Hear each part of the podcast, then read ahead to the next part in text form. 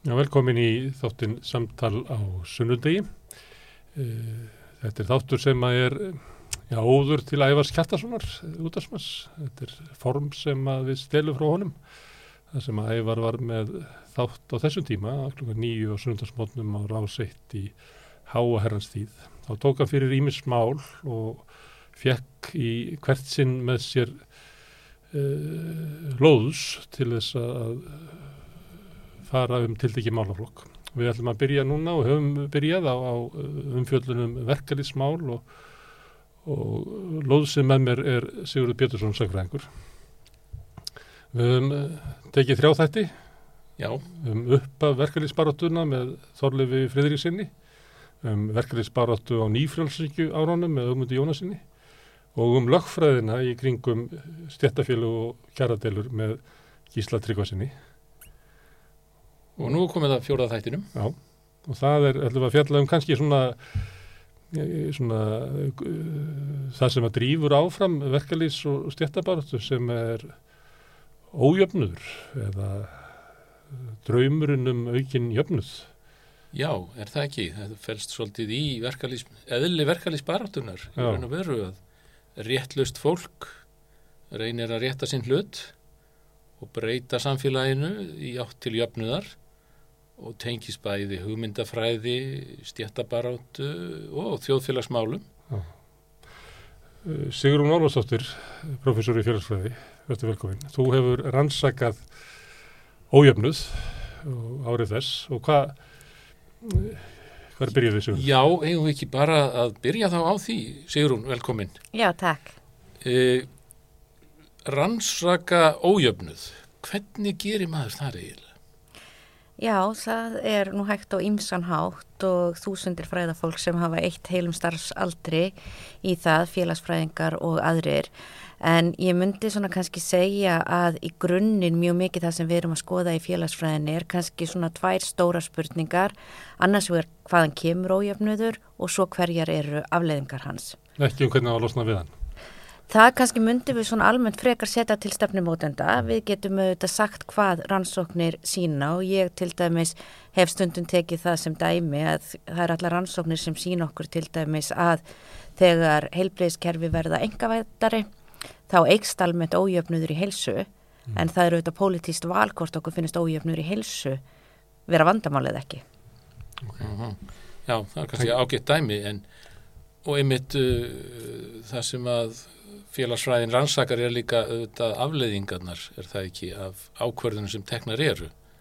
Jú, þannig að það er í rauninni verið að, eins og ég segi, skoða þetta bæði, þá sem sagt bæði hvaðan hann kemur og þar kannski svona svolítið byrjar félagsfræðin og það er náttúrulega fyrir aftur í kenningar bara eins og með Karl Marx um hvernig samfélagin sköpust og hvernig sumir sem sagt um, áttu auðmagnið og arðrændu þá aðra. Og ég minna sagan auðvitað í gegnum söguna er þetta aldrei mikið um að einhver er að arðræna einhver aðra, hvort sem að það séu stjættir innan einhvers ákveðin samfélags eða auðvitað eins og komi núna mun meira í samræðina þar sem hefur að tala til dæmis um nýlendustefnu og eftir nýlendustefnu um hvernig ákveðin þjóðfélag í rauninni kannski urður í rík að því að þau voru að taka auðlindir frá öðrum löndum.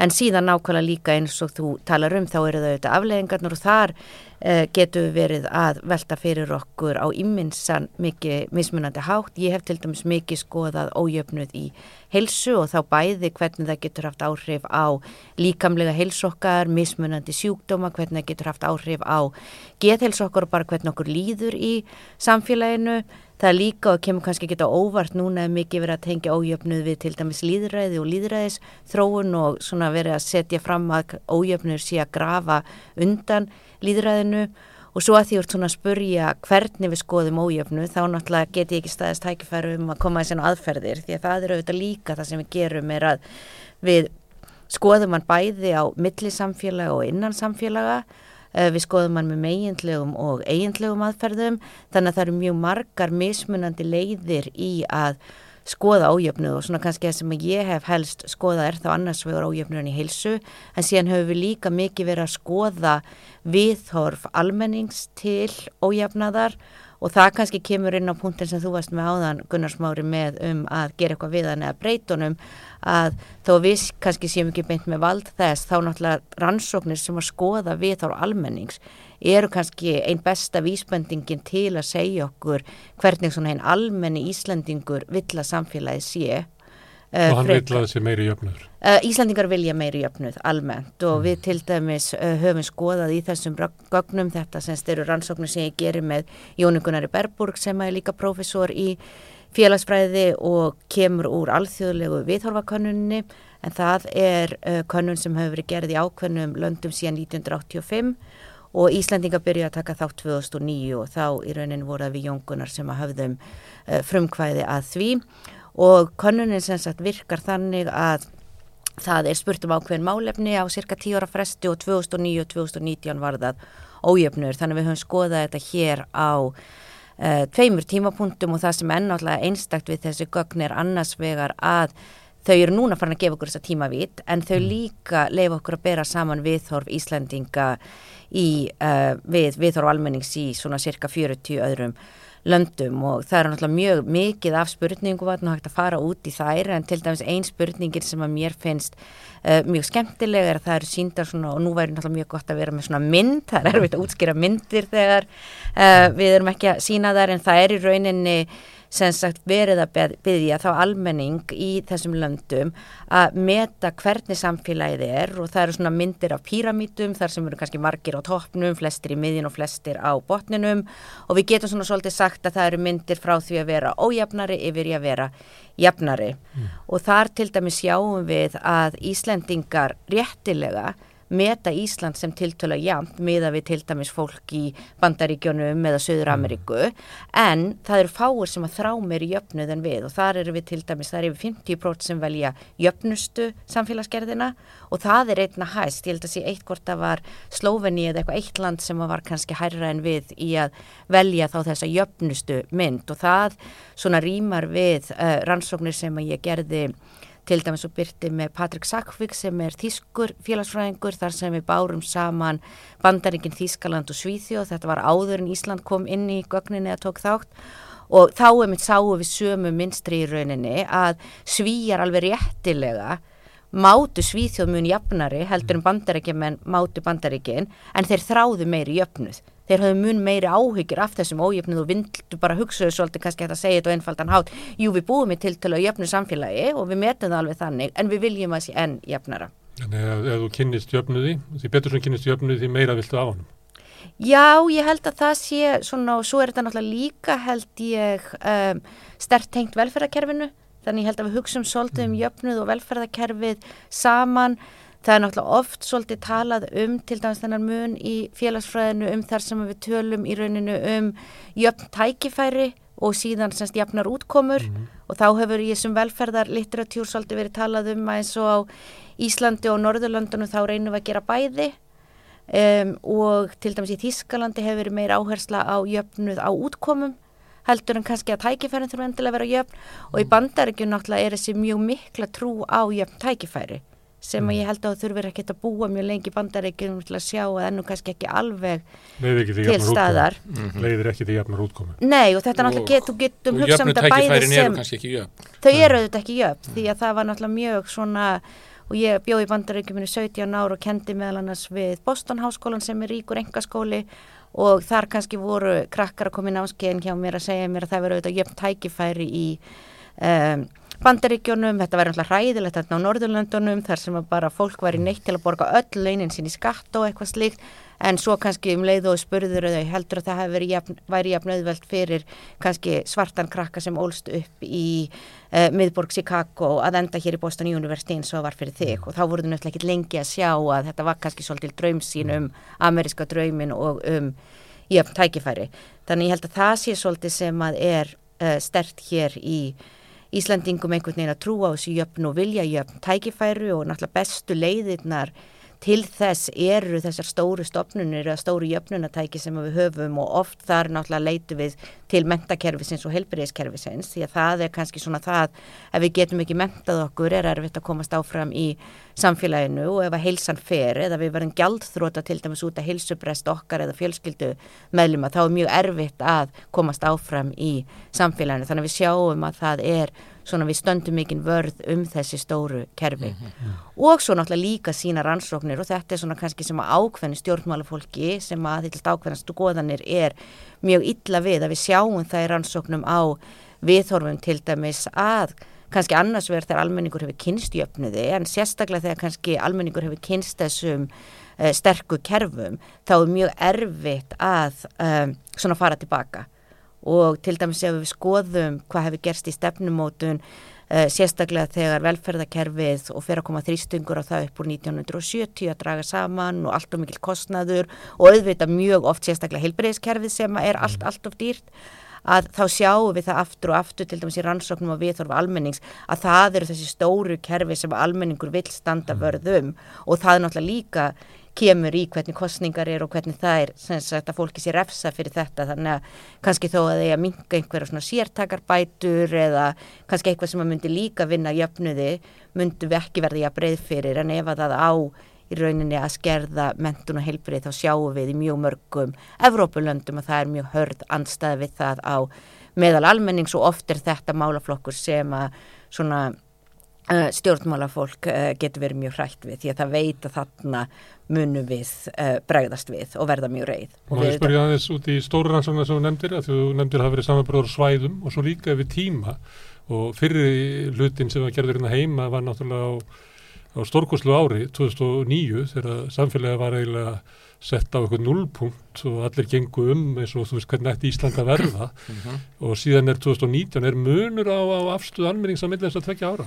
Um, það er einhver munur sem við höfum farið að sjá og við höfum nú svona aðeins rætt að kannski ættum við ekkert að vera að leggja þessar ansók fyrir því að þú náttúrulega minnist hér á réttilega að fyrri punkturinn er í hruninu. Við erum líka á mm. skrítnum tímum þegar við leggjum fyrir 2019 því að það fer inn í 2020 og hluti af gagnaöflunin er á tímum COVID. Mm -hmm. Þannig að það verið svona vera þegar við ætlum að skoða ójöfnu þá uh, já, verði einhverju svona meira hátar stóð. Já, 2019 er hérna gjaldrótt vá sem var svona ákveðið svona ógn og lífskjara og svo já. inn í COVID. Já, og náttúrulega, og bara eins og gaggrinna öflurinn verður.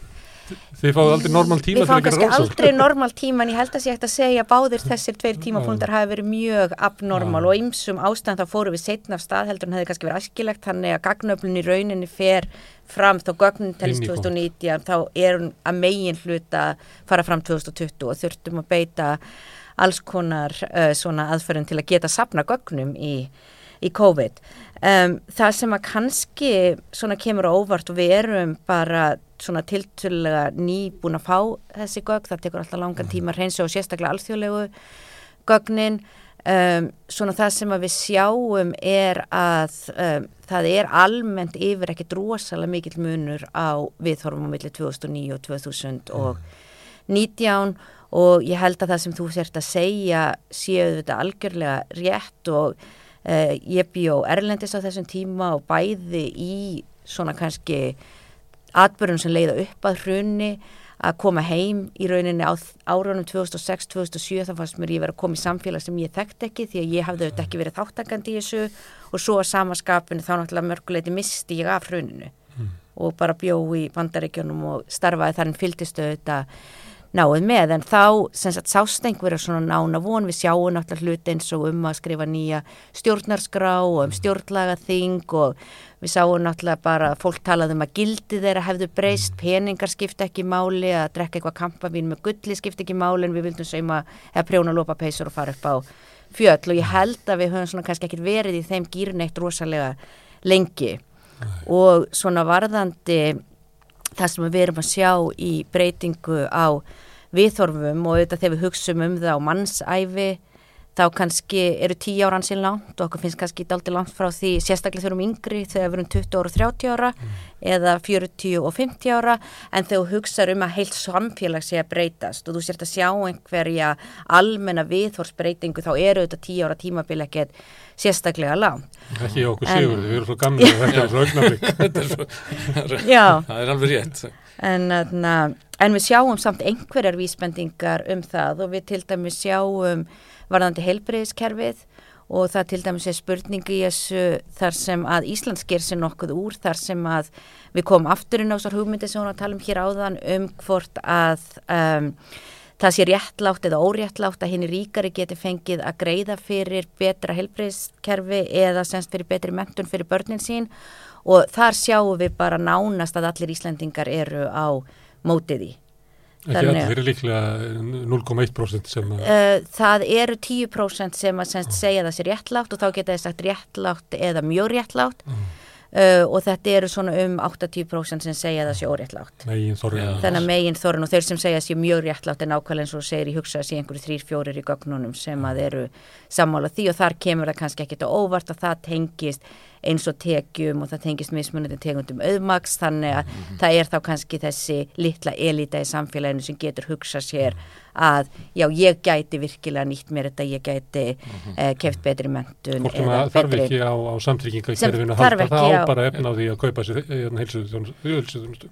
bæði á efn á því og kannski líka telur að sé einhvern hátt réttur sinn. Mm. því Já, að, já, þú veist, því að það er náttúrulega kannski miklu meir en 10% af Íslandingu sem að gætu keift eða borga meira fyrir heilbreyðstjónustu en Mm. mentuna við gerum að við berum saman við önnur samfélag því ég held að þetta sé líka svolítið um það að einhvern veginn ég, að því ég held að það sé svolítið í Íslandingum við erum ekkit rosalega mikið fyrir einhverju hafi á hvern forréttindi þegar kemur að alls konar hlutum í samfélaginu. Þannig að við viljum almennt gott uh, ofinbert uh, kerfi. En punkturinn sem ég ætlaði að gera hér var sem sagt að annars vegar þá náttúrulega sjáum við það að varðandi báða þessar spurningar þá er það almenningur á Íslandi sem að er sem sagt hvað mest, uh, finnst það hvað óréttlátast. Þannig að það er eitthvað kannski Já. eitt eða tvö lönd sem eru sambarilega okkar og mjög mörg lönd sem eru mun lagri en við og samþykir rauninni miklu frekar að sétt að kaupa sér fram í kerfinu.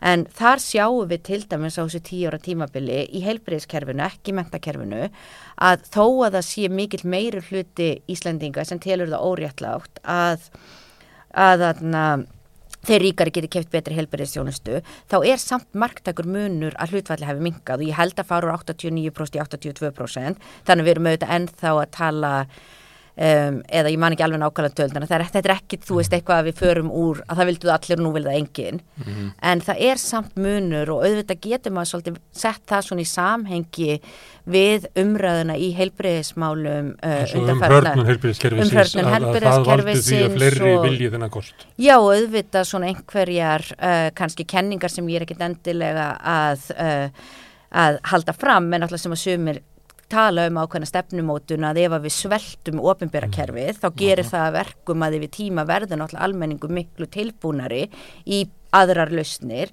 ef að þeir sjá að það er ekki verið að mæta þörfum þeirra. Og við sjáum þetta til dæmis líka í öðrum gögnum sem að við erum með þar sem að við erum reyndar að spyrja um umhverfismál og erum þá með gögn frá 2010 til 2020 og þá er spurt um bara hvað er mikilvægasta vandamáli sem við stöndum frammi fyrir í dag sem þjóð og bæði 2010 og 2020 þá er það hæðsta hlutfalli sem að segja þessu heilbreyðismál sem er annarkvort mikilvægasta en næst mikilvægasta málefnið. En það eikst verulega, ég held að fara úr 60% í 80% sem að mi- minnast á heilbreyðismál sem mikilvægasta eða næst mikilvægasta málið uh, sem við stöndum frammi fyrir um, árið 2020.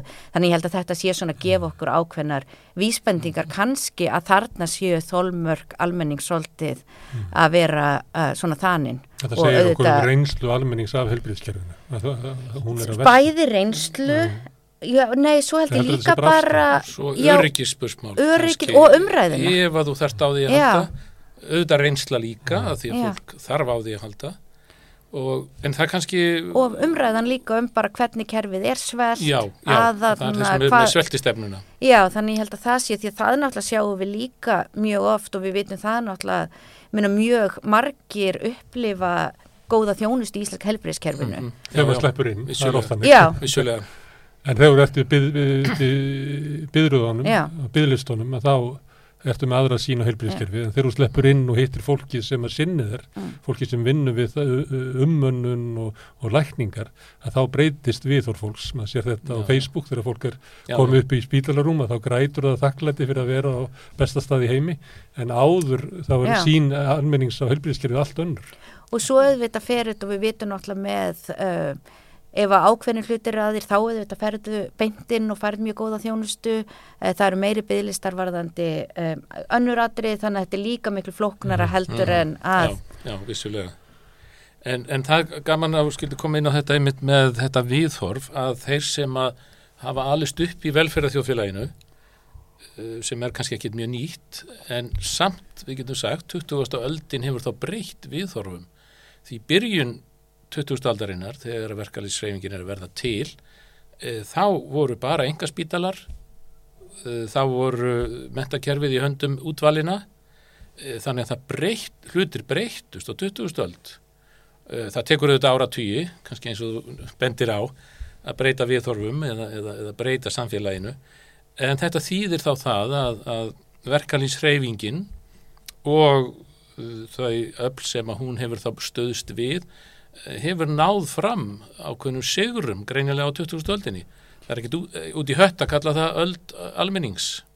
Já, ég held náttúrulega að við getum tala um ímsa sigra sem hafa unnist og ég menn við skoðum uh, Norðurlöndin og svona norræna velferðarsamfélagi þá er það í svona grundvöllar atriðum ólíkt mörgum öðrum samfélögum í uh, veröldinni um, og þar hefur náttúrulega meira árangur náðst bæði og það hafa rannsóknir sínt það að við vitum það til dæmis að uh, þegar eru frekar vinstri flokkar við stjórnvöld eins og hefur verið á hinum Norðurlöndanum mjög stóran hlut af þessu tímabili þá stækkar velferðarkerfið og það stækkar líka kannski ákveðni málaflokkar eins og útgjöld til heilbreyðistjónustu og áhersla á mentun. Á Íslandi og Stefán Ólarsson sýnir þetta mitt í nýri bóksinni uh, Baráttanum Bjargirnar Rábæri bók, svo þið segir Mhm. Já, og þarna, við vorum einmitt að málþingjum hana Já. um, um daginn þarna saman í pallborði.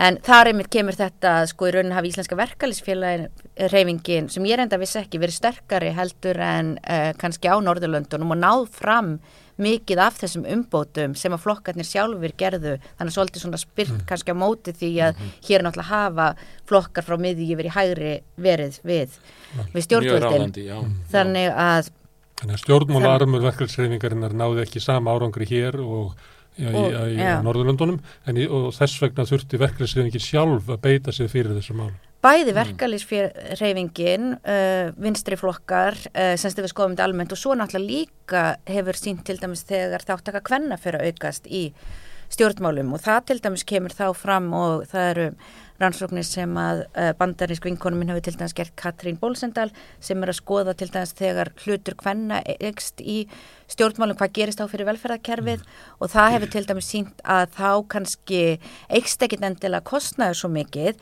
en það ekst hverju við erum með peningan í. Þannig að almennt þegar hlutur kvenna ekst í stjórnmálum þá fyrir við að eyða meira kannski í svona stund það sem við köllum um svona mjúkmál eða kvennamál sem við erum náttúrulega ekki vel að, við að kalla uh, það eða til ekki að þau séu það Og er mjög blekkjandi að kalla það Já, ég meina þetta er svo mikilvægstu málefnin sem að við stöndum fyrir og það sem skiptir uh, mestu máli en sem sagt að fara þá í sem sagt, heil, sérstaklega heilsu og síðan mentamál og auðvitað líka að byggja upp til dæmis fjölskylduvænt samfélagi eins og við höfum séð á Norðurlöndunum og þessi áhersla á að fólki geta samþægt fjölskyldu og atvinnu.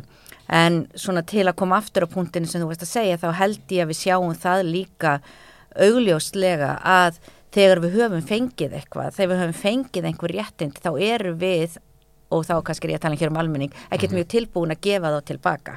Já, Þannig að þess vegna líka við vitum hvernig það er að búa í samfélagi þar sem að mentunin er eins og hún er, þar sem að þú ert með helbriðiskerfi og það er rán, nánast óhugsand að fara út úr því kerfi og mér fannst til dæmis mjög áhugavert þegar ég byrjaði að kenna fyrst heilsufélagsfræði í bandaríkjunum, það var endar í Indiana sem eru þetta fylki sem að yfirlegt er unnið af republikunum og er svona með uh, íhaldsamari fylgjum bandaríkjana að vera allt í hennu komin með nefendur í háskóla sem að þú þurftir að fara í umræður um hvort að heilbreyðstjónusta væri sem sagt uh, almennréttindi eða forréttindi. Mm. að sem sagt að þá kom þetta svolítið því í mér, ég menna það er allt öll, bara svona kannski allt í mér segir heilbreyðstjónust eru bara sjálfsögð mannréttindi, það hef ég lært frá blötu barspenni, en þannig allt í enn þegar er komin orðræðan um það er réttur minn sem einstaklings að geta keift þá bestu heilbreyðstjónustu sem ég á efni á. Mm. Hérna áður við förum í heilsu sem að Sigrunur skoða sérstaklega og áhrif hérna, ójöfnur og heilsu skiptir miklu máli. Þá vegna þess að þú sagðir áðan að, að þú hefðir þegar þú komst til Íslands eh, hvað 2005 eða, eða 2006 þá kannast ekki alveg við þig. Og þá er það líklega vegna þess að þú varst alin upp í Íslandi hérna síðustu aldar. Sem, Já, að, sem að, að við myndum, myndust á Stefán Ólásson og segir hann í fyrri bóksinni að það hefði líklega verið mesta jafnaðar samfélag í heimi. Mm. að því það var meiri jöfnur hér heldur en það hefði verið áður áður en að nýfrálsíkja byrjaði að, að, að hérna grafa undan honum. Þannig að þú ólstir upp í mesta jafnaðar samfélagi sögunar aður og fer til bandaríkjana og kemur svo tilbaka inn í nýfrálsíkja árin og, og þá kannski er þetta ekki alveg eins og Íslandi sem að þú ólstu fyrir.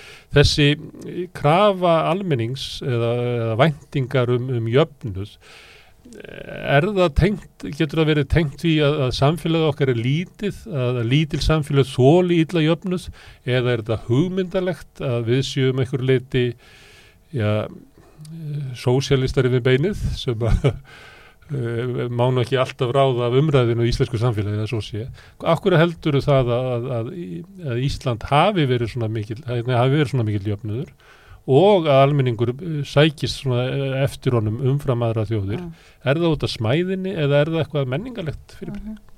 -hmm. Já, ég held að séu þetta sambland og einhver tíman las ég þegar eh, í einhverju erlendri fræðibók sem var að tala um þetta að bara Íslandingar eða norrænt fólk væri bara þannig að við fættumst með ástin og jöfnið í blóðin okkar mm. og ég er nú ekki vissum að það sé endilega ástæðan um, en jú, ég held að smæðin skipti máli og þá mm. náttúrulega getum við hugsað um Ísland en það er líka alveg spurning, ég held við getum hér svolítið tekið umræðunum norrænu löndin saman og auðvitað eru Svíþjóð og Danmörk, þetta er ekki stór miljóna þjóðir á sama hátt og Þískalandi eða Bandaríkin en allavega aðeins stærri en Ísland.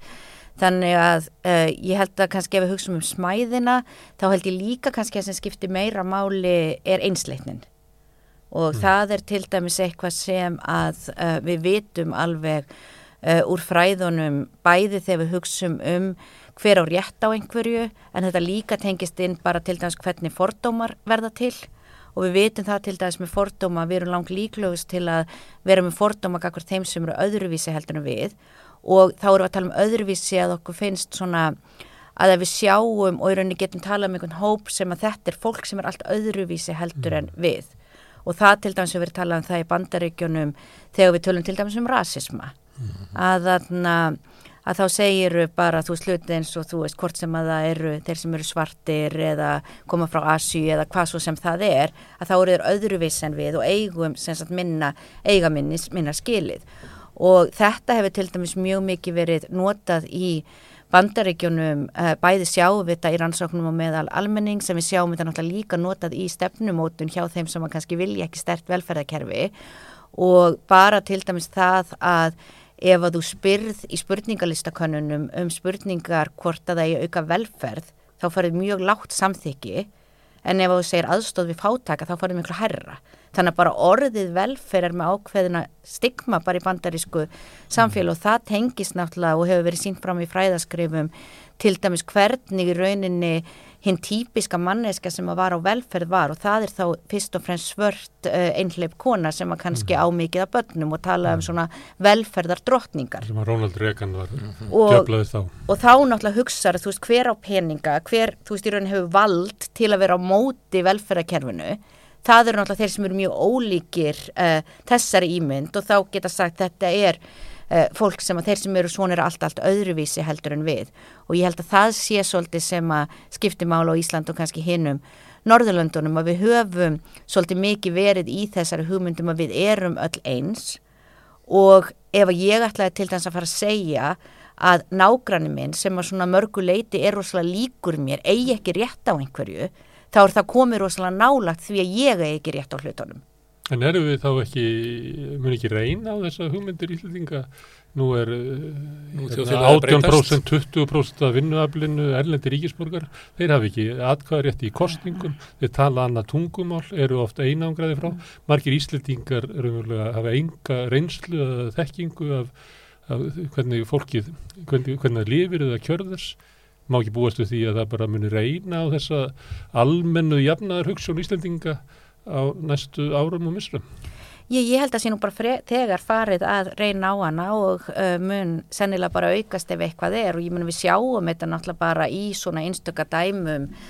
Og mér fannst til dæmis áhugavert uh, þegar kom til dæmis umræðan um íslensku kennara, eh, íslensku kennslu fyrir hérna, erlend verkafólk og kannski sem væri þó oft erlendar verkakonur og mikil áhersla kannski ákveðnum hópum að þetta er mjög mikilvæg réttindi sem við eigum að berjast fyrir en svo kemur eins og efling og sólveg annar bara býta þetta skiptir engum máli við þurfum að hækka launin og þar sjáum við samt líka þessa hugmynd um að þetta er Íslandingar að tala fyrir hvaða er sem að þessi hópur þarf á að halda alveg burt sér frá því hvor hafi meiri að minna mm. uh, rétt fyrir sér og við sjáum það þetta líka og ég minna það hafa komað þættir sem að sína fram á þetta kveikur og fleiri þættir þegar við sjáum til dæmis um, aðstæður erlendsverkafólks, uh, við sjáum til dæmis að um, menn sem er að vinna í byggingariðnaði sem að uh, koma frá uh, Östur-Európu búa kannski gámum og svo heyrir maður við þorkja á Íslandingum, já þeim finnst þetta fínt mm. Og þá náttúrulega þú veist, hugsa ég kannski svona já, ég, ég, mena, ég ætla ekki kannski að, þú veist, ég hef ekki talað við þá um það en ég veit alveg að mér þetta er ekki fínt og af hverju, þú veist, finnst mér að aðrir að eitthvað sé nógu gott fyrir mm. einhver aðra sem er ekki nógu uh, gott fyrir mig. Og þetta er hlutið af samfélaginu, Sip og þú varst að benda á að röki fyrir ójöfnið er að aðgreina fólk frá það. Er, það er alltaf aðgrein og náttúrulega sama sem... En við höfum hing, sko síðustu áratögum og, og þá hefur svona kannski verkarinsefingin aðeins farið til í, í, í hlýðar en eh, svona mannréttinda baráta annara hópa eh, nú ekki hægt að segja konur séu jæðarhópur eða minni hlutahópur en, en auðvitað hvenna baráttan eh, síðustu 50 árin setna baráta samkynneðra og svo annara en þarna erum við kannski komin að því að við höfum ekki talað um þessa hluti hinga til um sívaksandi fjölda útlendinga sem býr hér mm. og ætlar að búa hér og uh, þessi að tala um það að, að, að, að kemur hingað sko, fjölskylda frá Rúminíu eh, sem að starfar á, hér á, á algjörun lámas launum að þá megi þeir bara þakka fyrir mm. en þau þurfa að kaupa sér í matin í sömu vestlun og við þau þurfa að borga jafn mikið og við til þess að lifa af húsnæði og, og annað eh, er þá eitthvað réttlæti því að þau sé á þessum hérna lagstu launum í samfélaginu? Eh, hlýtur þessi umræði ekki að halda áfram núna og verða miklu meiri? Jú, ég held að það sé náttúrulega mjög erfitt að réttlæta þá og þetta er náttúrulega sem að kannski bandari samfélag hefur staðið fyrir frammi mjög lengi til dæmis með þá sem eru taldir sem ólöglegir innflytjendur. Mm -hmm. Og af hverju til dæmis er ekki harðar uh, farið gegn þeim eða svona reynd að koma um burtu því að það náttúrulega vita það allir að bandarist efnahagslíf og samfélag myndi ekkit virka án þeirra mm. og við erum líka komin í þá stöðu að við getum alveg hugsað okkur það ef allir sem er í þessum störfum núna myndu bara fara á morgun það myndi bara vera algjör martröð fyrir Ísland myndi bara hrinja það myndi hrinja mm. og bara og, og okkur stóru yðnaður og ég myndi hér kannski hugsa mm. um uh, ferðamanniðnaðin til dæmis. Uh, ég veit ekki hvað við myndum gera fiskvinnslan uh, álverið á Östurlandi þú getur bara að loka Íslandi sko. já þannig ég held að það sé auðvitað mjög mikilvægt. En að sumur leiti kannski er svolítið áhugavert að við erum kannski hér farin að skoða svolítið aðra aðgreiningu heldur en að við höfum þegar við talar um hinahópana og bara ef ég kem hér aftur inn á fordóma því það er alveg snakt að hugsa suma af þessum sömu prósessum sem að virka að við til dæmis höfum skoðað um, viðhór til samkynneðar á Íslandi yfir tíma og við erum með gögn úr um, sem sagt uh, evrósku eða svona uh, evrósku lífskildakönni sem að ná alveg til 1980 og þar til dæmis sérst það að við erum með miklu meiri fordóma framan af heldur en sérstaklega nágranna lönd okkar og við náttúrulega vitum þetta úr sögunni að mm. það var bara menn þurft að flytja hérna og flýja til Danmerkur mm. að það voru svo miklu fordómar á Íslandi en við sjáum enga þjóð sem í rauninni við fórum breytast eins rætt og við rauninni förum uh, frá því að vera með samanbyrjulöndunum okkar með hvað mesta fordóma yfir í bara semst mest frjálslindi ef við tölum um það þannig og ég hef svona tilfinningunni við eigum bara gögg frá 2006 um viðþorga hvert einstaklingu sem að eiga við geðrannar áskoranir að stríða en þá til dæmis 2006 sjáum við að þær eru einna minnstar á Íslandi af þeim 14 löndu sem við erum að byrja okkur saman við en ég held í báðum þessum tilfellum að í raunin þegar við erum búin að samþykja að það sé eitthvað sem er kannski frávika, hvað svo sem við köllum það, að þá er þetta samt fólk eins og við. Þú veist, ef að sonurinn að gunnu sem að býra við hliðin á mér uh, er samkynneður, þá getur það alveg verið sonur minn, þeir eru eiginlega alveg eins. Og með geðraskanir. Og saman En með geðraskanir. En þarna þegar komið með þessa skilgreiningu um að það sé útlendingur, þá er það orðið svolítið held ég kannski dýpra, þá erum við hægt kannski raun að nota þetta handrit um að svona endan eru veil öll Íslendingur og við erum veil öll öll voðalega eins. lík og við erum öll svolítið í saman bátnum. Þú ert í raunin komin með svolítið annan uh, þjóðfélagshóp og auðvitað vitum við það því þú segir með uh, muslima að auðvitað er ekki heldur allir útlendingar uh, semst sem eru virtir á sama hátt og það skiptir máli hvaðan fólk kemur varðandi það. Og við erum með meiri fordóma sem að tengjast þá um, lítarhætti og almennt er það það ef við skoðum bara uh, samfélög allstæðar því dekkra sem fólk er, því meiri fordómar eru og svo auðvitað núna uh, flækir trúin uh, líka um, en frekar. Mm. Er orðin stundum bara meira atriði. Ég, Já, þegar ég var í París að var að tala við fólk frá Afríku þá sagði að það hefði mikið breyst við tvíbaraturnuna að það hafði alltaf verið í neðsta sætinu en núna færðust sko múslimandir undir. Þannig að já, það eru þau svona breytingar. Já, já. En, en þessi ójöfnuður eh, þegar það er þessi aðgreining, neða þegar það er þessi aðgreining að þá er það eiginlega uh, hættulegt uh, um uh, aukningu ójöfnar með því að, að hluta samfélaginu sér aðgreindu sem uh, bara að hluta til við. Já, því að það er alltaf ákveðin réttlæting og við sjáum það í gegnum söguna að þegar við erum farnir að farin að skilgreina uh, einhverja sem æðri og einhverja sem óæðri, þá er miklu auðveldra að draga þessar línur og við náttúrulega sjáum og náttúrulega við tölum um framfarir aftur að þá hafa náttúrulega orðið mjög miklar umbætur í mannréttindum og hvernig við hugsum um fólk um, ég menn það voru náttúrulega ákveðnar og svona sumar þessum leiðum sem voru til dæmis notaðar til að leiðrétta til að réttlæta þrælahald. Að þrælarnir voru ekki mennskir.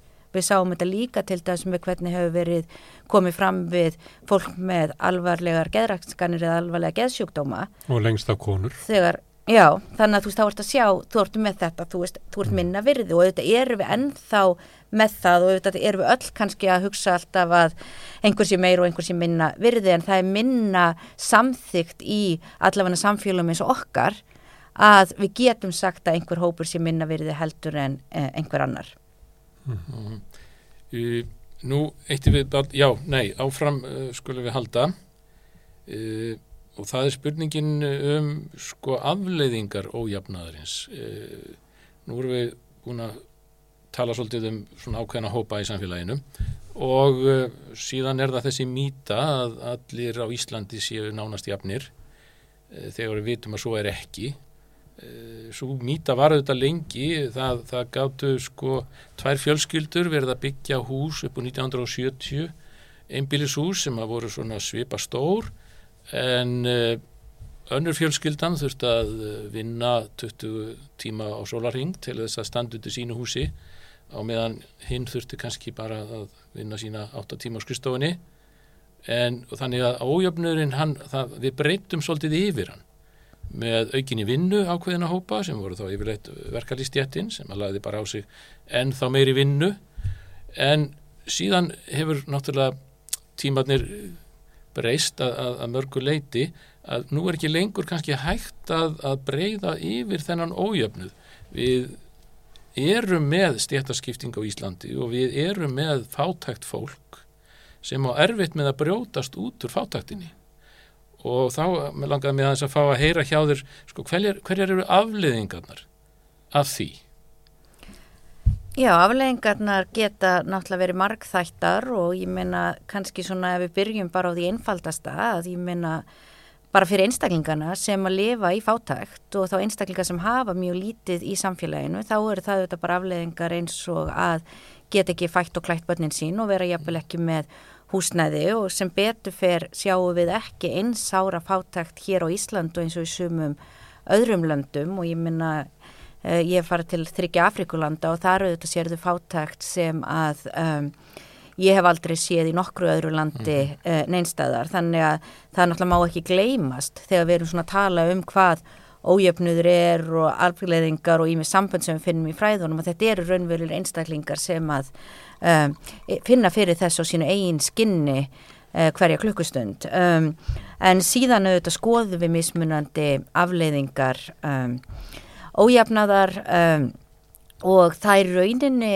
má kannski segja að flest kannski sem að okkur kemur í huga skipti máli ójöfnur getur haft einhver áhrif á því og bara til dæmis ef við skoðum nánast hvaða útkomi sem að þér dettur í hugunan félagsvísinda þá eigilega til dæmis myndu öruglega funna mun sem að tengist kyni, stjættastöðu eða kynþætti á einhvern hátt. Um, núna hefur til dæmis verið mjög miklar áhegjur talaður um hvernig ójöfnuður er að um, svona grafundir líðræðinu og að kannski ákveðnar hugmyndir sé að fá brautartengi.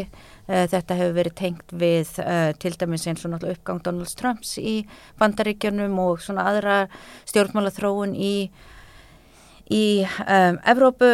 Og þar auðvitað komum við aftur svolítið inn á þessar svona grundvallar hugmyndir um hvernig samfélagi á vera og hver á rétt á einhverju og hver á um, ekki rétt á einhverju og það til dæmis er mjög um, áhugaverð uh, bók sem var skrifuð af uh, bandaríska félagsfrættirinn uh, Arli Hostjæld sem í raunin er að skoða í Louisiana og þessum ríkjum af hverju kannski einstaklingar sem ætti ekki að neinu leita stiðja Trump gera það. Mm -hmm.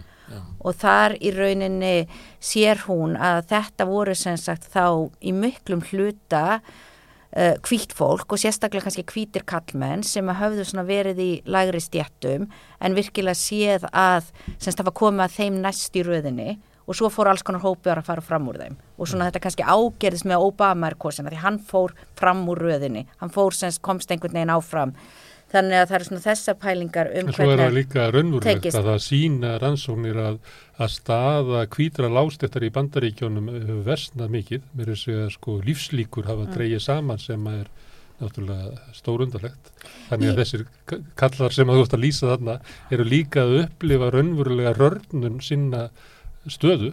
Já, ég myndi segja að þeir séu vissulega að upplifa raunverulega hrörnun á sinni stöðu en þeir eru kannski ekki að horfa á rétt óvinnin. Nei, ég er ekki að mæla með nýðustunum á móti. Nei, ég ætlaði bara að semst en ég held náttúrulega til dæmis að Trump uh, hafi kannski ekki verið sá sem að líklega muni gera hvað mest til að bæta þeirra ekki stöðu. Ekki miskilega með að ég hef haldið fram að það var rétt nýðustunum. Alls ekki, nei, ég held að það sé, nei, það er líka með það sem við uh, svona sjáum er að það eru margir hópar í samfélaginu sem að uh, eru kannski að berja, berast um eitthvað sem að virðist vera kannski takmarkarauðlindir, eru það kannski ekki. Mm. en þetta auðvitað tengist inn í starri pælingar sem að uh, kannski þú ert að leiða þess inn í með auðvitað til dæmis að það sem við erum að sjá á milli landa er að þeir ríkari er að verða ríkari, við erum alltaf að sjá auðmagnið þjappast á færri og færri hendur mm og ekki endilega tala um það sem óvinn en það er kannski ekkert að segja svona það er hinn raunvurli óvinn og það náttúrulega við sjáum þessu orðræðu líka hér á Íslandi eins og í kommentakerfunum og annars það er það séu útlendingarnir sem er að taka eitthvað frá Íslandingum mhm. -huh. en ekki kannski þessi grundvæðla spurning við erum alveg nógu rík til að þurfa ekki að vera fátak á Íslandi ef við myndum mhm. ákveða að auðlindunum væri skipt þannig. Dreifa, dreifa auðleðinni með öðrum hætti. Mm. En skattkerfið sem jöfnunatæki eru þetta svona viðurkent og, og sérstaklega eftir setna stríð þegar farið er að nota skattkerfið æmeir til þess að halda upp í velferða þjóðfélagi og jafna kjörin í gegnum það e, eins og þú nefndir á hérna, nefndir hérna svolítið í byrjun okkar tals að þá komst velferða þjóðfélagi svolítið í, í kreppu upp úr 1970 til 80 og þá við höfum rætt aðeins hérna líka með að, að framgang uh, tatserismans og, og regans í, í bandaríkjónum og, og uh, þá kemur svolítið þversögn sko, uh, fólk vil haldi í velferða þjóðfélagið, það vil halda í þetta öryggi uh, sem auðvitað kostar mentun fyrir alla og helbriðistjónustu fyrir alla. En um leið eh, komast til valda mjög sterk öll sem að í raun og veru vilja vinna gegn þessu. Og þau geta kannski ekki gert það ofinberlega en þá er það gert með því að þrengja að og breyta skattkerfinu. Uh, eftir hrun þá heldur meina nú er þið allt breytt. En nú erum við aftur stödd kannski, ég veit ekki hvort það kemur fram hjá einhver í gögnunum frá 2019 að, að frjálsíkjan hún er ennþá til staðar. En þessi þversögn mér dettur þetta í hug vegna þess að ég sá núna í fréttum frá Breitlandi þessi mikið er rætt um, um breska heilbyrðiskerfið, NHS mm. og sem er, er svona einhvers konar sem er sagt að þetta er nýju trúabröð breyta það sé trúin á, á, á breska og það er komið í sömu vandræði eins og heilbríðiskerfi hjá okkur að sumuleiti lengra, og að sumuleiti er það verstatt ja. og byggðlistar og erfitt fyrir almenninga að fá og þá var einmitt gerð könnun og sendt út spurning á alla ráþerrana í íhaldstjórninni Súnak og hinnir og uh, þeir flestir neituð að gefa upp hvert þeir sættu sína heilbríðistjónustu mm. Af því þeir sótt hana náttúrulega til engaðila. Þeir voru ekki hluta hennu ofinbæra kerfi. Og þá er spurningin sko þessir sem að þótt, fannst þeir vera undir í bandaríkjónum í héröðum, gömlum yðnaða héröðum þar sem að kvítt verkafólk hafi verið undir staðan áður að það fannst að vera svikið bæði af stjórnmálaflokkum eins og demokrataflokknum eða af kerfinu og það beindi atkvæðin sínu þá að Trump. Mm. Við höfum séð þetta líka í Svíþjóð, Finnlandi, Danmörku, þar sem hægri öfgaflokkar og viðar í Evrópu. Mm. E, þarna hefur eitthvað bröðist, mm. eitthvað í kerfinu og spurningin er sko þetta mjög víðþætt og þú sem félagsfræðingur e, horfir á samfélagið. E, hvaða hópar eru þá líklegir til þess að geta haft áhrif á þetta að verja þessi gildi sem við teljum að séu góð fyrir velferðarkerfið? Sko það er nú erfitt að segja það, þú hefði að svara þeirri spurningu í einhver einföldu máli. Ég er náttúrulega hluta til held að um, til dæmis gögn eins og þessu um vilja almennings og það er svona kannski sem við myndir segja er eins og oft kemur kannski almenningur, við höfum áhuga á almannahagsmunum en ekki sérhagsmunum og við vitum það auðvitað sérhagsmunir eru farnir að skipta þeir eru alltaf skipt máli en við sjáum mjög skýrt hvernig þeir uh, skipta máli núna uh, þannig að það er svona kannski einfalda uh, myndin er að segja að kannski kjósaflokka sem úr telur að muni halda vörðum þetta en það getur náttúrulega líka verið erfitt og um, og þeir eru ekki allir eins og eru séðir eins og Nei, nei, svo kemur það verkamnaflokkurinn og, eflust hefur við Íslands dæmi um það líka? Nei og auðvitað kannski er það líka bara þannig að þessi öll eru orðin svo rosalega sterk þegar þú eru til dæmis komin með uh, já mann til dæmis eins og Elon Musk til að taka eitthvað dæmi mm. sem að á meiri peninga heldur en ég menn hann getur gert hluti sem að fæst þjóðriki geta gert, hann mm. getur sendt uh, fólk út í geim mm. þá er þetta náttúrulega orðin svo rosalega völd og hagsmunir sem einhver ein, einstaklingur getur stjórnað í krafti síns auðar að kannski bara er best að leggja bara hendur í bát en ég held að við viljum nú ekki kannski endilega gera það en hluti af því ennáttúrulega eins og við erum kannski að reyna að gera hér að reyna að skilja samfélag og reyna að skilja kannski hvaðan þessar hugsanir og hvaðan þessi viðþorf og þessar skoðanir koma og ekki til dæmis bara segja Þannig að þetta eru bara fólk sem hefur rangt fyrir sér eða þetta bara er einhverja hálfvita sem skilji ekki hvað samfélagið er flókið. Það er bara staðurreind að það er verulegur fjöldi fólk sem að telur að samfélagið eða kerfi sé ekki að virka uh, fyrir þá. Og það er alveg augljóst hefur lítum á það að sem sagt uh, það er alveg rétt mat. Og það eru auðvitað svolítið sem að kannski félagsfræðin hjálpar okkur að gera er að sjá þessi ferli sem eru oft svo ólýsan, eða svona ósýnileg. Og í rauninni kannski það sem ég held að félagsfræðin benda okkur á er bara hvernig allt í okkar veröld og allt í okkar samfélagi og samfélagsgerð er félagslega skapað. Það er á einhverjum tímapunkti búið til af einhverjum einstaklingum eða oftast hópum og þá náttúrulega kemur spurningin hverjir hafðu vald til að búa það til mm. og auðvitað vitum við að það voru ákveðnir aðilar og þá getum við, þú veist, velt fyrir okkur hlutum eins og til dæmis er eitthvað náttúru lögmál að það til dæmis eigi að vera herri skattaprósent á launatekjum hér á Íslandi heldur en á fjármakstekjum hverjum er við, af hverju er það þannig? Og í rauninni ef ég ætti að velja þá myndi ég hafa það öfugt að byrja á að vernja því að það er til dæs eitthvað sem við sjáum á Íslandi. Tekjumunur er kannski ekkit svo rosalega mikill og hann er mingaður með skattakerfni sem við erum með en það bara skiptir nákvæmlega einhver máli hvað ég er kannski með hálaun og jafn há og kollegi minn þegar kollegi minn á kannski miljónir og hundruði miljón og einhverjum aflandsegjum mm -hmm. þannig að það er svolítið kannski það sem að e, skiptir líka máli. En það sem að náttúrulega er hér er að þetta eru pólitískar ákverðanir eða ákverðanir þeirra sem hafa völd. Þetta Já. er ekki náttúrulegumál. Mm. Akkurat, akkurat. Þegar maður hérna hlustar og, á og les eftir félagsfræðingar sem eru að skoða jöfnuð, þá uh, eru þeir margir, og ég veit ekki hvort að þú sett eina þeim, sem að fljóðlega byrja maður að fá það á tilfinningunni að, að þau séu næstuði haldaði fram að ef við ætlum að stjórna samfélaginu þá gætu við haft bara einn mæli í mælaborðinu sem værum jöfnuð. Vegna þess að aukin ójöfnuður hann grefur undan tröst í samfélaginu hann grefur undan tröst á stopnunum þess hann fjölgar glæpum hann hérna, hefur ótrúlega hann hérna, skerðir heilsum, yngar lífslíkur. Þannig að raunverulega væri það þannig að ef við viljum stýra samfélaginu þá ættum við bara að stefna auknum í jöfnuði því það myndi leysa svo óendarlega mörg vandamál önnur. Er þetta, eh, ég veit þetta er einföldin hjá mér, hmm. en að sumuleiti er þetta niðurstaða bara fjölda rannsókna, hmm.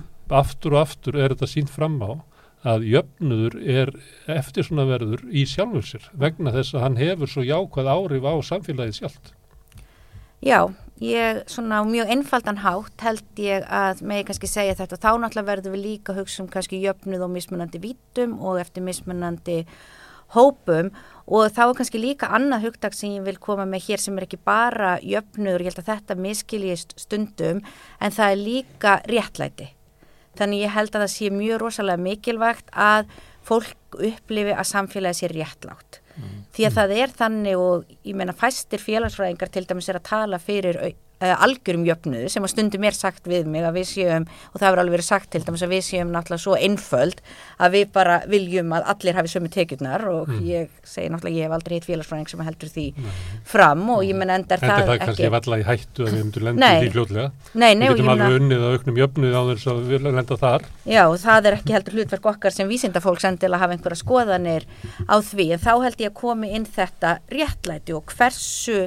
mikil til dæmis ójöfnuður er réttlætanlegur út frá alls konar mismunandi þáttum. Og til dæmis eins og það sem við höfum skoðað í gögnunum okkar sem að breytist ekki mikið á milli 2009 og 2019 þannig ég ætla bara hér að tala um núna 2019 er að við til dæmis erum með spurningar þar sem að við erum með fimm uh, starfsæti þar sem að fólk er spurt sem sagt hvað telur að þessi sé með í laun og hvað finnst þér að þessi ætti að hafa í laun og þetta eru svolítið svona kannski það sem við myndum segja sem hálunastjættir og lálunastjættir þannig að það er uh, almenn eða semst ófaglæðu verkamaður, það er um, starfsmæður í verslun og svo eru við með heimilisleikni, við erum með uh, fórstöru stórfyrirtæki og ráðherra mm -hmm. og ef við skoðum bara lýsandi gögnin þá sjáum við til dæmis að fólk vil örlítið hækka það sem að það telur að verkamæðurinn og starfsmæri vestlun séu með. Þeir réttilega telja að uh, þetta séu þeir sem eru með lagstu launin og þeir vilja svona aðeins setja þá upp.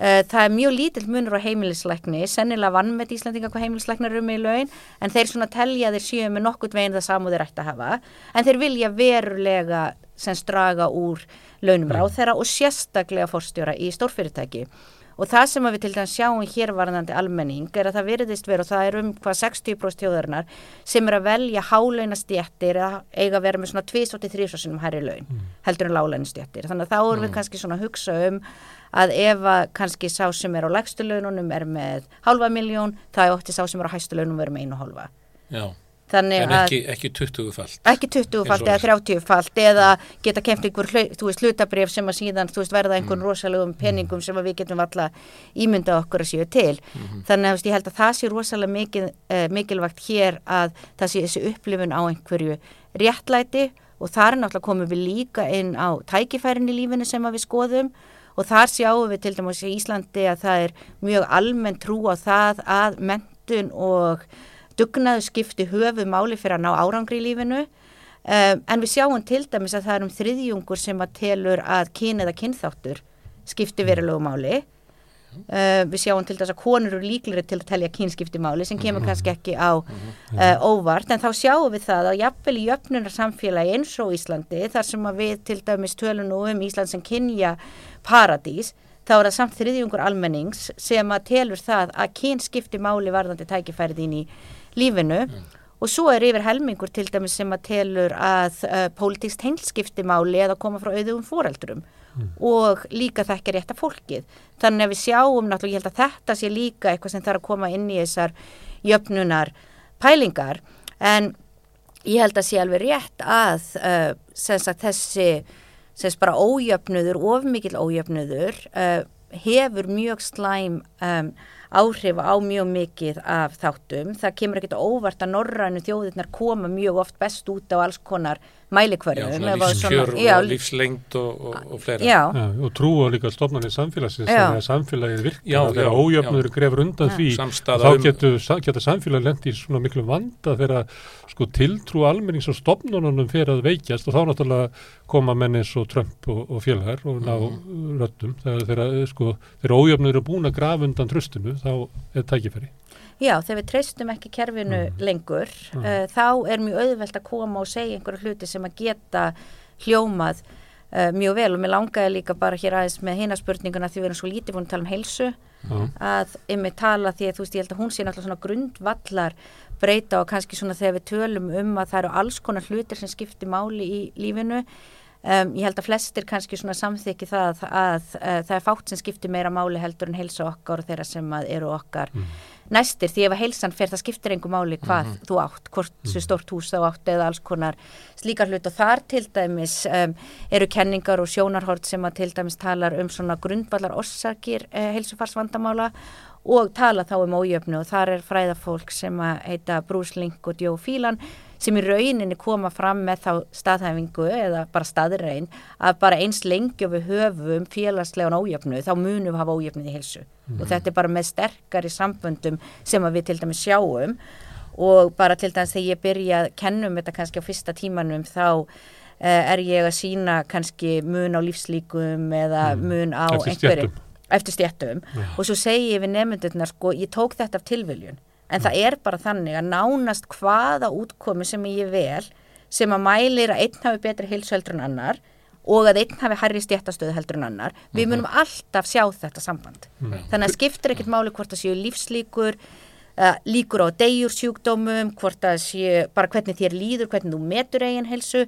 Við sjáum alltaf þetta samt, samt uh, samband og það er þess að félagslega aðstæð sem skipta svo miklu máli og þetta svolítið fer aftur til eins og bara þegar var komið uppála því við nú aðeins komið hérna á breska helbreyðiskerfið að þetta var svolítið svona hugsunin eftir stríð að hvað væri svona hægt að gera til að sem að væri svona gott fyrir þjóðun og það var að byggja svona stert helbreyðiskerfið því að við vorum hér búin að sjá að það var ójöfnur í heilsu við höfðum uh, áhyggjur af honum og þá hugsaum við kannski og það er kannski ekkit óskinsamlegt að hugsa, jú, við bara gerum heilbreyðiskerfi sem allir, þannig allir geti farið og nýtt sér það. En það sem var náttúrulega komið í ljós er að þó að allir séu með jafnan aðganga heilbreyðiskerfi, ef þú sendir suma tilbaka í fátakt og í hræðilegar félagslegar aðstæður, þá gerur ofsalega lítið til að draga úr ójöfnuður heilsu og slíka rannsóknir hafa til dæmis sínt okkur að heilsa allra batnar. Það er betra fyrir alla að hafa gott heilbyrðiskerfi en það gerist nánast ekkert til að draga úr ójöfnuði í heilsu. Mm. Það er nefnir lífslíkur og uh, því miður þá finnst mér sko til þess hagstofan mætti byrta fleiri upplýsingar eftir stjettum. Mm. Man sér þetta víðagjert það sem eru svona flokkun eftir stjettum. Ertu með tölur um það hverjar er munurinn á lífslíkum ófaglars verkafólks á lagstu launum og síðan kannski hinn að betursettu í samfélaginu í Íslandi? Hvað, hvað hérna fátaktinn og bastlið og, og, og þrælkuninn klippir mörg ára af æfi fólks? Uh, ekki nákvæmlega en það er náttúrulega engin ástæði til að halda sig eitthvað öðruvísi hér heldur en í öllum öðrum samfélögum í í heiminum og þú sér þetta mjög skýrt til dæmis eins og það hafa verið teknar bara borgir í bandaríkinu þar sem ég keira kannski með hverfa og þeir keira kannski hvað ég heldur að við kerti kannski einhverja tíu kílometra og þú ert búin að minka lífslíkur um tíu mm. ár mm. uh, það var skoða að það kom uh, hér út skísla sem var gerða af norrannu ráþæranemdini sem var að skoða þetta út frá uh, tekjum og mentun og svo reynda skrifaði ég skýslu sem fylgdi því eftir svona að setja það í kenningarlegt samhengi af hverju sjáum við þetta samband og þá sjáum við alveg þetta á við á Íslandi þar var mm. reynda bara að skoðu mentun og tekjur mm. og þá var það, mér minnir að hafa verið kannski einhver tvö eða þrjú ár sem munið á lífslíkum frá hæðstamentunasti yfir eða legsta mm. og þá þetta líka kemur yfir á svona mikilvægt sjónarhort sem að við skoðum í félagsfræðinni sem er verið svona að tala um samþættingu eða samleiðinni sem er svona um, þarna intersectionality mm. þar sem að það náttúrulega skiptir nákvæmlega máli, það er ekki sama að vera kannski uh, með um, litla mentun og svo getur við um alls konar öðruvísi forréttindastöður. Mm. Þannig að þá erum við að velta fyrir okkur nákvæmlega þetta sem þú ert búin að segja, þú ert kannski búin að taka saman og þú ert lítið menta fátakur í vondru starfi mm uh, konu sem er almennt með verið helsurendur kallar, þá erum við farin að sjá verulegan mun á kannski ef við myndum hugsa okkur svona eins og Weber kom kannski með svona ídjáltýpur að þú hugsaður kannski um þann sem væri vestu félagsleiri stöðun en að samfélags og þeim sem væri bestu, þá hugsaðu við værum að sjá já, kannski uh, mjög mörg ár og jafnvel áratug eða slíkt hér, uh, jafnvel á Íslandi. Ég hefði áhuga á þessu að vera að grafa þetta eins og leikmaður gerir bara með því að googla og svona. Já. Og ég sá eina sænska rannsók sem að síndi að vera átt ára munur. Já. Og þannig að, og, og manni kemur ofta óvart að við erum að ræða um eftirlaun og lífriðsjóðakerfið án þess að hafa þetta upp á borð, borðinu. Uh -huh. Það verður að tala um að hækka eftirlaunaldur og eitthvað svona, en þegar maður skoðar þessi hvað er mikil munur þarna á um það hvað ef við myndum horfa til þess út á það að fólk ætti að eiga í atmörg ári eftir starfsefina mm. að þá ætti erfiðis vinnu fólk að fara raunverulega á eftirlaun. Já, þá ættu við hérna sitjandi millistjéttin að vinna svona 5-8 árum lengur lengur, svo það er þannig. Og það er náttúrulega, er í pólitísku umræðu bæði í Danmörku og raunverulega í Fraklandi núna, þá er þetta inn í pólitísku umræðu mjög víða Mm -hmm. Já, þá náttúrulega kemur það aftur, þú veist, hver hefur völdun og hver hefur röttina í samfélaginu og mhm. þetta var svona í Þískalandi að til dæmis þeir sem er unni í bílavegsmiðunum og annar staðar, þeir fóru miklu fyrra á eftirlaun heldur en kannski aðrir mm. og ég menn það er, þú veist, ef maður hugsa sjálfkvert að þú veist, mér finnst rosalega ungt að eiga að fara kannski 70 eftirlaun og ég get mhm. alveg upp í háskóla og setja við tölverðum mína ef að heilsa gefst til 75-80 mhm. En myndi ég vilja gera það ef ég væri kannski að vinna við þrývastarfa hótelum? í alveg Já. og við sjáum það bara á örorkunni. Það eru erfiðisvindu stjættirna sem að rinja inn á örorku svona upp á 50 konundar á undan Já. og kallanir svona upp á 60 Já. og þetta er bara að sumuleit er þetta afleiðinga bara blindu samfélagsins fyrir þessu sem þú ert að mm. lýsa hvað, hvað annars vegar erfiðisvinnan og svo náttúrulega afkomu kvíðin og fátæktin grefur undan hilsu Já Já, ég held að sé náttúrulega bæði sko svolítið blindan sem að náttúrulega sína líka tengist hús hvaða rattir við fáum að heyra og hverjir fá að. Og sem auðvitað líka tekur inn á bara þeim uh, rannsóknir sem að við erum að gera og ég til dæmis held að það er rannsóknir sem að við erum að gera sem að miklu leiti eru meginlegar og eru svona skoða heldamyndin og sambund, ég held að ég myndi sent eh, dragur mikilvægi þeirra en ég held að sé jafn mikilvægt og mætti auka til dæmis eiginlega rannsóknir þar sem að rattir fólks fá að heyrast og við erum ja. alveg með dæmi og rannsóknarverkefni sem er að gera það um, til dæmis með að skoða reynslu erlendra kvenna um, hér á Íslandi Já. En eigum við þá ekki að koma að einu sem að ég veit að Sigrun hefur hérna, skoða mikið, mm -hmm. svona ólíkt kapital og mér finnst þú nefnilega að vera eiginlega að koma Við erum að nálgast það nefnilega sem, sem, sem, er, sem er það hvað maður getur, haft, maður getur verið fátækur Já, en samt aftur öll haft á, ákveðið auðmagn í sér Já, og, og haft eitthvað, eitthvað, eh, sem að styrkja stöðum að síðan samfélaginu, Já. en svo getur maður líka verið fátækur og ekki átt neitt annað auðvald og raunverulega verið rallust og týndur í samfélaginu. Mm, já, og þetta er, er nefnilega mjög skemmtilegt að, að hugsa þetta í tengslum við verkefælisenguna mm. sem að, að kemur á 20. öldinni og nær uh, ákveðnum valdastöð í samfélaginu ekki vegna þess að það nær til sín öllu auðmagninu eða fjármagninu. Eh, við erum ennþá í kapitalísku kerfi í Vestur-Európu og uh, þannig að við erum búin að ta tala svolítið um þessa forréttindastjætt sem að hefur fjármagnið, kannski 10% sem að, sem að hefur svona stæsta hlutan af auðmagninu í fjármagni. En uh, verkefliðsreifingin bjóð til auðvitað ákveð félagslegt auðmagn og líka menningalegt auð, auðmagn bæði í sínum áróðri, í sínum menningastarsemi í bókaútgáfa stóru rítuöndanur okkar eins og Lagsnes og Þórbergur uh, voru mjög hlýðhóllir verkalýsreifingunni og verkalýsflokkonum auðvitað hefur þetta verið til fyrir 2000-öldina, við skulum ekki vera að fara Mhm. aftur, en það er þetta félagslega auðmagn og, og sem að hefur auðvitað áhrif á það hvernig þú lítur á sjálfa þig. Eh, það er ekki víst þú sérst á hæstu laununum en við sjáum endurminningar frá síðustu öld, verkamenn sem skrifuðu endurminningar sínar að þeir höfðu þetta menningalega auðmagn sem gaf þeim sjálfströst og þeir uh, svona gátu rögstutt það að þeir áttu alveg jafn mikinn rétt og einhver sem að væri með annað meira fjármagn á bakvið sig Mm. og jafnvel meiri rétt vegna þess að þeir höfðu menningalegt auðmagn og félagslegt auðmagn áttu, Þetta er eitthvað sem og að- áttu framtíðina, trúðu því Já, og trúðu því náttúrulega að þeirra, þeirra eh, auðmagn myndi, myndi, myndi verða mikilvægara. Eh, Spurningin er svo aftur núna, síðustu 40 árin, að þá er eins og hafi orðið svolítið aftur fyrir þessu. Það er að segja að almenningur á ekki lengur tæki, hvað sem það eru fjölmiðlar eða, eða menningafélög eða eitthvað slíkt, auðvitað eru ennþá til stjættafélög engin alþjóð hús til fyrir menningu En- þeirra. Nei, og, og, og svona þessi þjóðfélagsmenning er auðvitað margslungin en yfirstjættin hefur einhvern veginn náð og auðstjættin hefur náð að eignast alla fjölmiðla hafa mestu áhrifin og verkalýsreifingin og aðra reyfingar, jú, koma auðvitað inn í umræðina en hvernig metur þú þetta?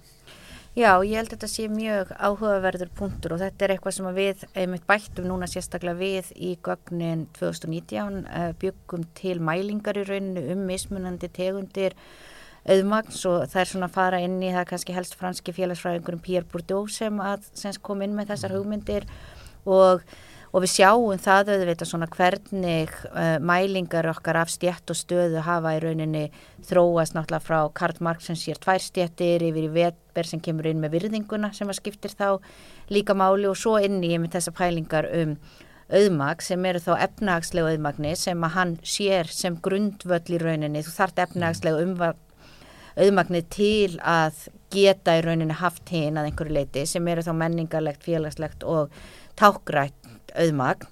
Um, og ég held svona kannski grunninn, ég held að sé alveg rétt hjá þeirra mismunandi uh, aðilar hafa mismunandi tegundir auðmags en eitt af því sem að við sjáum mjög oft er þannig að því meira sem að þú hefur af einu því líklega ert að hafa annað líka. Þannig að um, og það sem við náttúrulega líka sem ég held þú sér svona þessa leiðina og við erum að sjá þessa samþjöppun auðs og auðmags þannig að eru fjölmiðlar í dag kannski það sama að þeir voru fyrir kannski 40-50 árum þar sem voru fleiri rattir sem að gátu heyrst. Og það stundum er um, svona dálítið ókvænlegt þegar þú ferð að sjá þessi tengsl sem eru á milli aðila og stórfyrirtækja hvað þetta í rauninni er allt saman saman þjappað. Um, en ég held að það sé algjörlega rétt að þarna, þessar mismunandi tegundur auðmaks geta skipt máli og, uh, og það er kannski svolítið mikilvægt að hugsa, þú veist, eru margir sem að til dæmis vantar algjörlega efnahagslegt auðmag sem að hafa mikla raud og oft hefur til dæmis verið litið á það þannig að það geti jafnvel verið ákveðar andstæða í efnahagslegu auðmagni og menningarlegu auðmagni. Og við sjáum þetta held ég hér á Íslandi og það eru til dæmis uh, rannsóknir Berglindar Ósar Magnúsdóttur og Eidar Magdísar sem að hafa sínt fram á mismunandi hverfi að það eru ákveðin svona heit svæði á höfuborgarsvæðinu varðandi auðmagn efnahagslegt auðmagn og svo eru önnur heit svæði varðandi menningarlegt auðmagn og þessi fara almennt ekki saman. En síðan þú hugsar kannski Nefnir ríkistóttinni það sem að 210 postnúmerið í Garðabæ já, og 107 í Reykjavík já, uh, hittist. það, þau geta hist þessi, Já, þessi auðvitað geta hist Já. en þú sér það samt kannski búa þau á sitt hvoru svæðinu en þar auðvitað kemur inn að þú veist, þú ert samt komin með þá sem hafa hátt menningalegt auðmagn í uh, samfélaginu eru ekki þeir sem eru að vinna í lagstu störfunum. Þannig að það er kannski svona þegar þú ert farin og ég myndi svona almennt kannski segja það að þú þart að vera komin upp að einhverjum ákveðnu þröskuldi til að geta hugsalega nýttir þessar mismunandi tegundir eða hafa aðgengi að þeim. Og auðvitað skiptir þar líka mjög miklu máli hvort að þú sért kannski með einhverja sem eru háir í þessu auðmagni sem eru tilbúinir að tala fyrir þínum hagsmunum.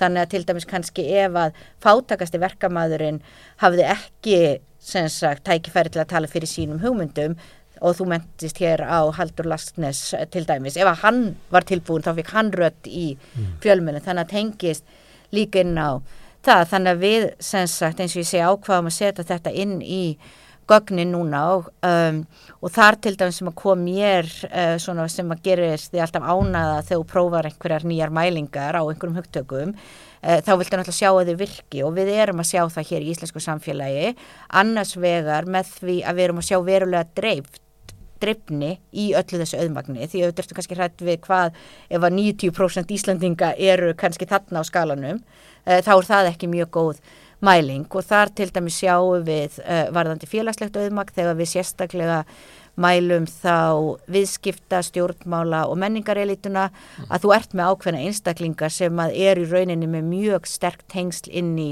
allar þessar elitur og hins vegar eru við að sjá að þessar mælingar og sérstaklega efnahagslega auðmagnið og það svona kom okkur svolítið óvart er að hafa tengsl við mjög mikið af mismunandi hlutum sem við erum að skoða meðal annars pólitíst tröst viðhorf til ójafnar og viðhorf til velferðarkerfisins. Þannig að sumu leiti virðist vera hér í jafnar samfélaginu Íslandi þar sem við erum öll jöfn og höfum það öll tiltöla gott að svona þessar kannski fínari vittir sem að búið djótalar um virða skipta meira máli, minna máli heldur um beinhardi peningar sem að hafa mest áhrif á að móta viðhorf og reynslu allavega í okkar gögnum. Svo hér á Íslandi að það er peningalega auðmagnið sem ræður mestu hinn ræður minnu. ræður minna varðandi þær breytur sem við erum að skoða þá verður þetta að koma mjög mikið gaman að hvernig Sigurður kom inn á þetta vegna þess að, yfirleitt þegar maður heyrir rætt um þetta mismunandi auðmagna þá er það svona kemur kannski úr hérna seinni tímum þar sem erum að horfa á einstaklingin þetta sé auðmagna einstaklingsins en Sigurður kom eiginlega algjörlega annar staða frá þessu um raunverulega eh, í upphafi verkefnisbartuna hvernig hópurinn eða verkefnisstjættin byggði upp félagslegt og menningalegt auðmagn með því að stopna alþýðuhús, mm. stopna fjölmil, með því að stopna stjórnmálaflokk, með því að stopna sko bókaútgáfu og, og vegna þess að, að fólki varða að finna sér einhvern stað, einhvern samfélag til að lifa á vegna þess að gati ekki lifað inn í veröld borgarastjættina þar sem var litið niður á það. Og, og, en, en þessi hugmynd þessi ungmennafélagsandi Mm, verkefnisreifingarna já, sem að Sigurður vilja til stundu sakna maður þess í dag að það sé talað um raunverulega getu hópsins til þess að byggja upp félagslegt eða menningarlegt eða takkrænt auðmagn á móti sko peningalega mögnu. Já, ég held að það og reyndar held ég að við Íslandingar séum nú uh, oft með um, tiltöla mikið félagslegt auðmagn og ég held að það svolítið einkenni Íslandst samfélag og kemur alltaf um, fólki á óvart að nánast hvað svo sem að útlenskir vini mínu vilja þá er það einhver frendi minn eða einhver svo mér í grunnskóla sem getur rettaði. Mm. En- Já, og Þegar þetta er náttúrulega okkar Um tengingar. þá, þá þekkjum maður orðið alla af, af sinni kynsluð. Nei og það hefur náttúrulega verið talað, þú veist, á allt öðrum í rauninni forsendum en eins og kollegi minn Viðar Halldórsson hefur talað um þetta í íþróttum að það er rauninni þetta svona félagslega auðmagn og hvernig íþróttastarfi byggt upp hér á landinu sem að er allavega skýringabreita í miklum árangur okkar í um, íþróttum. Um, en ég er algjörlega sammála því að þarna, það er hægt að hugsa um hvernig við í rauninni byggjum upp þessar mismunandi tegundur auðmags en síðan stundum virðist að samt sem áður vera einhvern veginn þannig að um, peningarnir skipta rosalega miklu máli. Af því að við getum mælt á kannski, Mm. kannski að finna mæli og hvar þú þá getur félagslega náttúrulega oft auðmagni. fengið einhvern því að þú veist, bara við vitum það að þarna þú þarft ofta að vera með mjög sterk bein til að neyta beinhörðum peningum þannig að þú getur verið mjög mikil hugsun og manneski og rekið útvarstöð og svo er einhver tilbúin að borga miljard fyrir það Mm. hvað gerir fólk? þannig að þetta er rosalega stert eða á hinbóin að ef þú átt miljardin já, þá er þetta auðvöld fyrir það að kaupa dagblað Já. eða Já. annan fjölmiðil en þá er ekkit endilöðult fyrir það að ná í félagslega nöyð eða menningarauð nei, en þú getur haft áhrif en þú getur alltaf, það er einhvern veginn alltaf hægt að hafa áhrif uh, og ég held í rauninni kannski því meira sem að við skoðum það og viðurkennum það og auðvitað líka þessi hugmynd sem ég kom inn á hér áðan að þetta er félagsleg sköpun. Það eru ákvarðanir sem að voru teknar á einhverju tímapunkti sem að sköpuðu Íslands samfélag og hvernig það er varðandi lagskiptingu í dag. Og það er líka hægt að breyta því.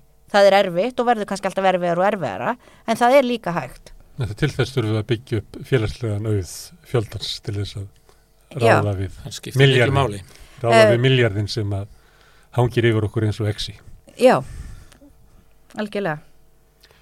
Hvað séu Sigurður? Er þetta, við Þetta- náttúrulega getum aldrei klárað þetta. nei, við, við getum haldið áfram að, að, Já. að fabulera og, og, og en við erum hérna að enda þetta svolítið á vonar nótum finnst mér með félagslega auðmagnið Mm. og uh, höldum áfram örgulega að ræða það í öðru, öðru hérna, samhengi kannski í, í næstu þáttum Já, ég held að Eh, næst ætlum við að ræða um, um uppbyggingu velferðaríkisins á 20. öld já, og að sömuleiti varnarstöðun um það á, á setni hluta 20. aldar og okkar tíma. já, það kemur þá bara í beinu framhaldi hérna Mm. spjalli okkar við Sigrúnu ekki spurning Nei. Herðu, Sigrún, ég vil ekki að kella fyrir að, að koma til okkar.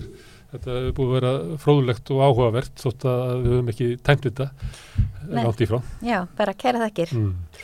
Uh, ég þakka Sigurði samfélgina og hlustundu fyrir að staldra hérna við í samtali á sunnundegi. Næsti þáttur verður á sama tíma eftir viku, klukkan nýju á sunnundegi. Takk fyrir og góða helgi.